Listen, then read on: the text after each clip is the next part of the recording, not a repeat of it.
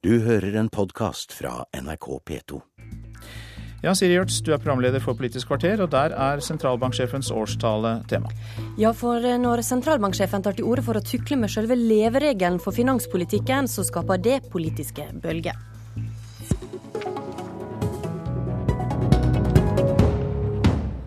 I går så holdt sentralbanksjefen sin årstale, og der slapp han katta ut av sekken.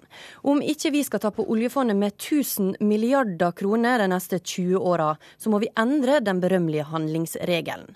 For framtida mener han at vi skal plusse på budsjettet med 3 av oljefondet hvert år, ikke 4 slik regelen er i dag. Og kommentator i Dagens Næringsliv, Kjetil Alstaheim, du hørte på talen til sentralbanksjefen i går. Altså 1 det er da 34 milliarder kroner, eller under, altså mer enn et samferdselsbudsjett. Og Da ble det vel ikke trampeklapp for sentralbanksjefen i år heller? Eh, de klappet jo, men eh, ikke så veldig for akkurat det forslaget. Det var jo eh, årsmiddag i går kveld etter denne talen, og der fikk de servert buffé med varme og kalde retter og, og østers og sjømat. Men i årstalen så fikk de jo servert noe som uh, ligner mer på en kamel. Men, men hva, altså den kamelen, hvorfor er det viktig å svelge den, uh, ifølge sentralbanksjefen? Fordi man har sagt at oljefondet skal være en slags sånn evighetsmaskin som skal gi oss en permanent strøm av inntekter. Men det sentralbanksjefen da sier, er at vi tjener ikke, oljefondet tjener ikke så mye penger i aksjemarkedet og på obligasjoner så at vi kan ta ut 4% hvert år. Vi må justere den ned til 3% ellers så spiser vi av formuen. Og da blir det mindre igjen til eh, våre etterkommere. Hvor viktig er rådene fra sentralbanksjefen når eh, de kommende budsjettene skal spikres? Jeg tror det kommer til å eh, påvirke hele budsjettdebatten. Fordi man har, etter at handlingsregelen kom, så er det blitt etablert som en sannhet at hvis du holder deg på 4% oljepengebruk, så er du ansvarlig. Men med det sentralbanksjefen sa i går, så kan man ikke si det lenger. Bruker man 4% så spiser man av formuen. Men nå var det jo slik at i eh, budsjettet for 2012 så holder man seg på rundt 3% som er da det tallet som eh, sentralbanksjefen eh, mener vi bør holde oss til. Og En ting er jo å legge seg på det nivået, en annen ting er vel å, å endre selve regelen? Ja, og det er vel det vi har sett den reaksjonen fra politikerne. At de syns det er veldig vanskelig å endre en regel. Eh, den var ikke helt lett å etablere. Den, ble, den gikk greit igjennom politisk, men det har jo tatt tid å, å skape forståelse og aksept for den blant velgerne. Eh, men det har man eh, klart i løpet av, av det siste tiåret. Men det å begynne å pirke inn, det opplever de som risikabelt. Handlingsregelen ble jo da innført uh, i 2001. og Karl Erik Skjøtt Pedersen, eh, du er nå statsråd ved statsministerens kontor. Men den gangen var du finansminister, og en av de som da har blitt tildelt uh, tittelen handlingsregelens far. Det er flere av de, har vi hørt. Hvordan kom dere opp med utforming av regelen? Ja, utgangspunktet er jo viktigheten av trygg økonomisk styring. Det har ikke minst finanskrisen vist oss hvor viktig det er, og at det gir gode resultater, som vi har også fått i form av at vi har klart å holde den laveste ledigheten i Europa gjennom eh, finanskrisen. Eh, og Derfor var det viktig å komme fram til en handlingsregel som kunne bidra til å eh, være et virkemiddel for å få til en slik trygg styring. Og den forteller oss hvordan vi gradvis kan ta stadig mer av oljepengene i bruk, samtidig som vi tilpasser oss økonomien hele tida.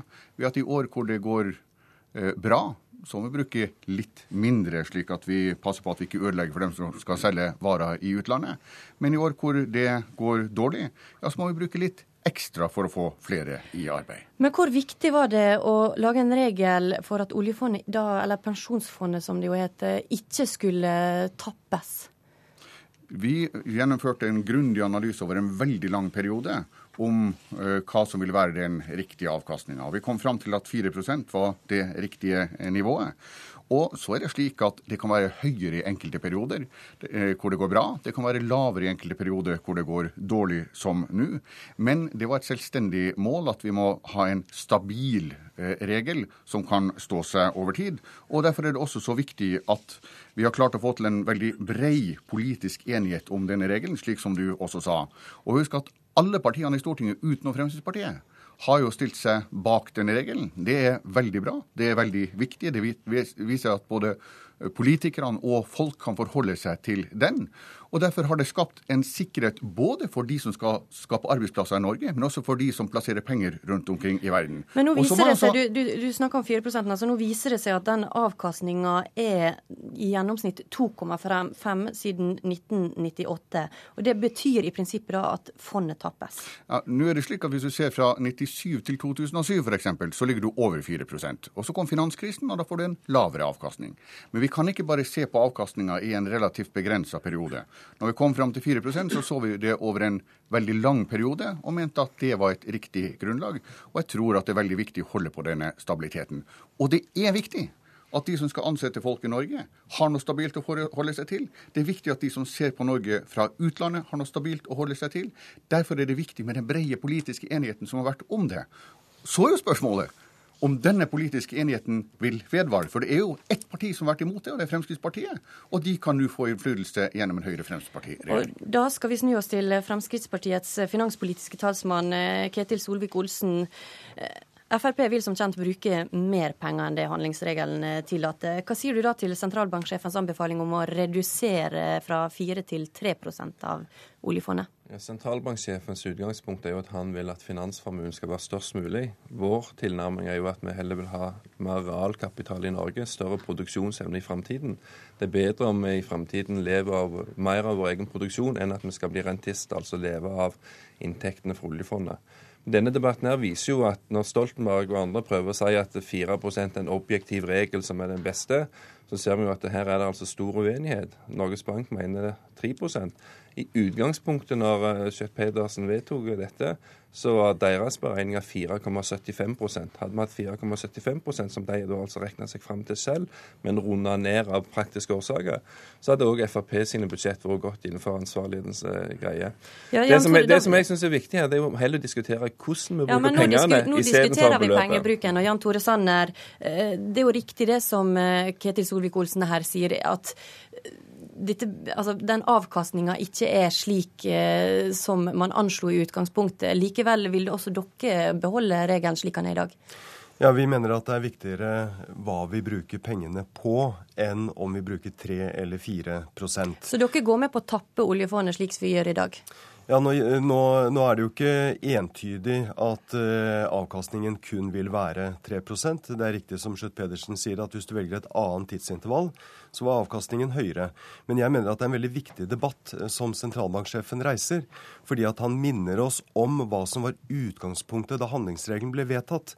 Nemlig at oljepengene ikke er en gave til én generasjon, men at oljepengene skal komme også våre barn og barnebarn til gode. Og bruker vi for mye oljepenger, vel så tar vi fra våre barn og barnebarn. Det andre er at jo mer oljepenger vi bruker, jo mer, eh, jo mer rammer vi og bygger vi ned et konkurranseutsatt næringsliv. og Derfor er det viktig at vi holder orden i økonomien, og at vi ikke bruker for mye penger. Og Så må vi ta den ballen sentralbanksjefen reiste i fjor, nemlig at pengene skal brukes til å bygge landet, til å satse på infrastruktur, kunnskap og vekstfremmende skattelettelser. Kjetil Solvik-Olsen, når dere da vil bruke mer, så tar dere fra kommende generasjoner?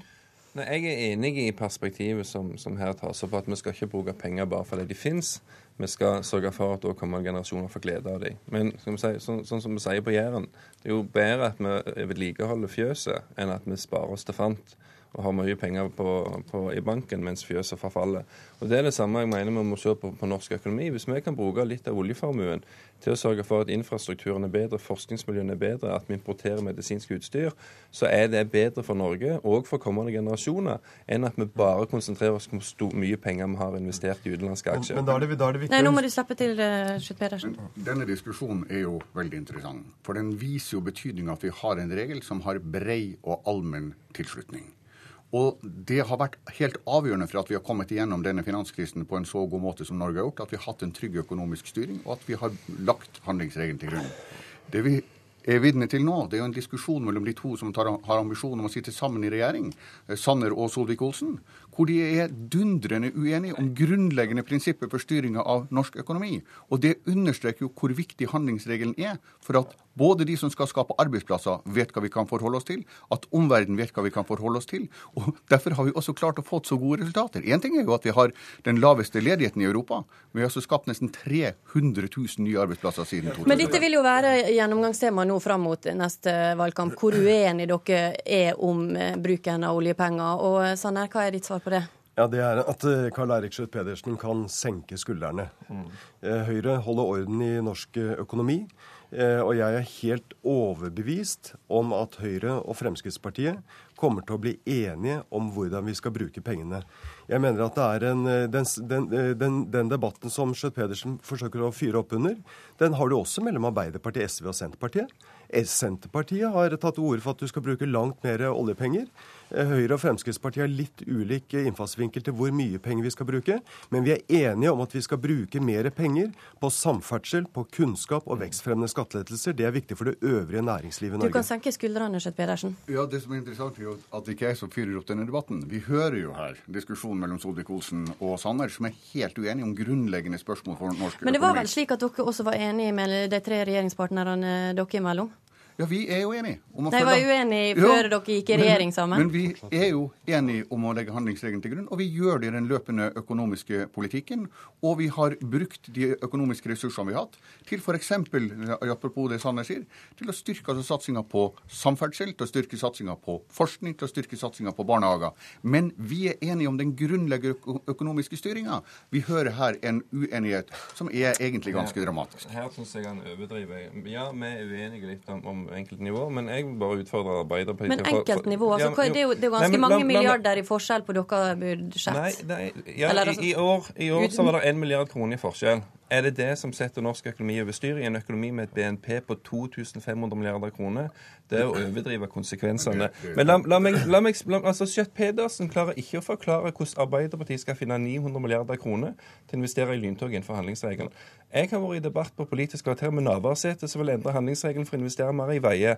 SV vil bruke CO2-avgift fra oljefondet mm. til å investere i industri. Alt dette vil bryte med, med handlingsregelen. Mm. Det, som, det som Høyre og Frp er enige om, det er at vi skal ha en regel på forbruk. Så er vi fortsatt uenige om den regelen også skal gjelde på investeringer. Men der tror jeg, og der er jeg veldig sikker på, at vi skal komme til enighet. Kjøtt Pedersen trenger ikke være redd for om, om borgerlig side skal bruke penger fornuftig. Dere skal komme til enighet, Sanner, sånn men det gjelder da altså 4% og ikke 3 ja, det, det, det, er riktig. Og jeg er helt enig med Ketil Solvik-Olsen at Høyre og Fremskrittspartiet kommer til å bli enige. Men jeg syns man skal merke seg at eh, det eneste Men, men nå er vi tilbake til utgangspunktet jo, jo. da, i forhold til denne her, hvor fornuftig er det å bruke 4 ja. mens eh, vi faktisk tapper oljefondet?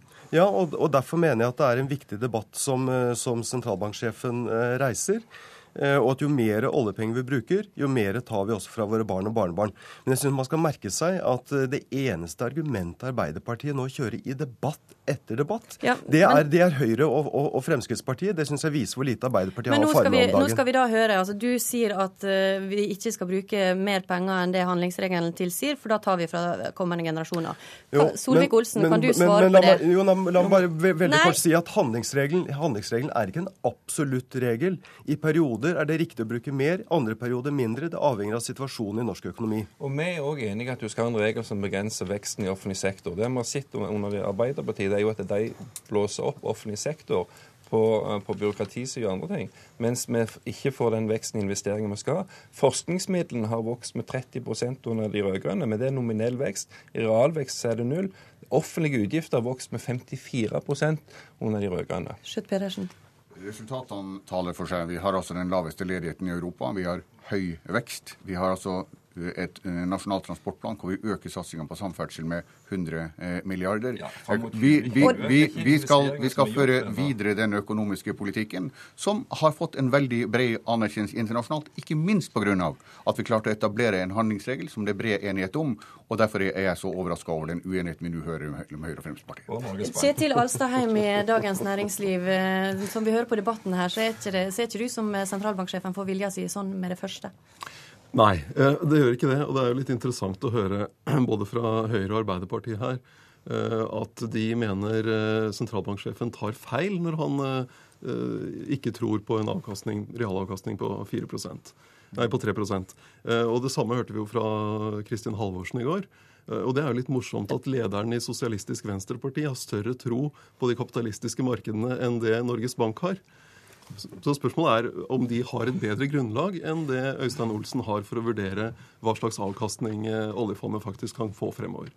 Og da må jeg si takk til Carl-Erik Skjøtt Pedersen ved statsministerens kontor, Kjetil Solvik-Olsen fra Frp, Jan Tore Sanner fra Høyre og Kjetil Alstaheim fra Dagens Næringsliv. Politisk kvarter det er slutt. Vi er tilbake på mandag, vi. Og det var Siri Gjørts som sto i studio. Du har hørt en podkast fra NRK P2.